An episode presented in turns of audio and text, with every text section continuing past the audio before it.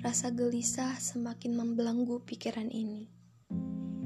Padahal, ketika kamu terbangun di pagi hari, kamu selalu memberi dorongan agar kamu mulai mencintai diri kamu, dimulai dari keteguhan ini. Tapi semua itu selalu sia-sia. Kamu menyakiti diri sendiri dengan cacian yang kamu buat sendiri capek. Jangan ditanya. Lelah. Sudah pasti. Merasa diri paling tak cantik, yang banyak kekurangan. Padahal manusia tidak ada yang sempurna. Begitu cara hati kamu menyangkal berbagai serangan negatif yang muncul di pikiranmu. Lagi-lagi, hati kalah dengan logika.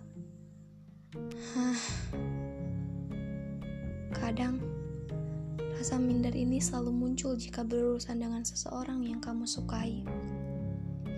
Takut orang itu tidak suka dengan perasaan yang kamu miliki untuknya. Takut orang itu tidak ingin mengenal kamu lagi.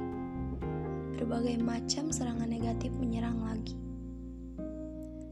Tapi, perjuangan kamu tidak berakhir dengan kekalahan hati melawan logika. Esoknya kamu terus mencoba lagi, mencoba untuk mencintai diri kamu lebih dalam lagi. Sebelum kamu benar-benar menjatuhkan hati. Teman saya pernah berkata, "Sabar, kalau dia pergi, dia bukan yang terbaik." Suatu saat ada orang yang akan menerima kamu apa adanya.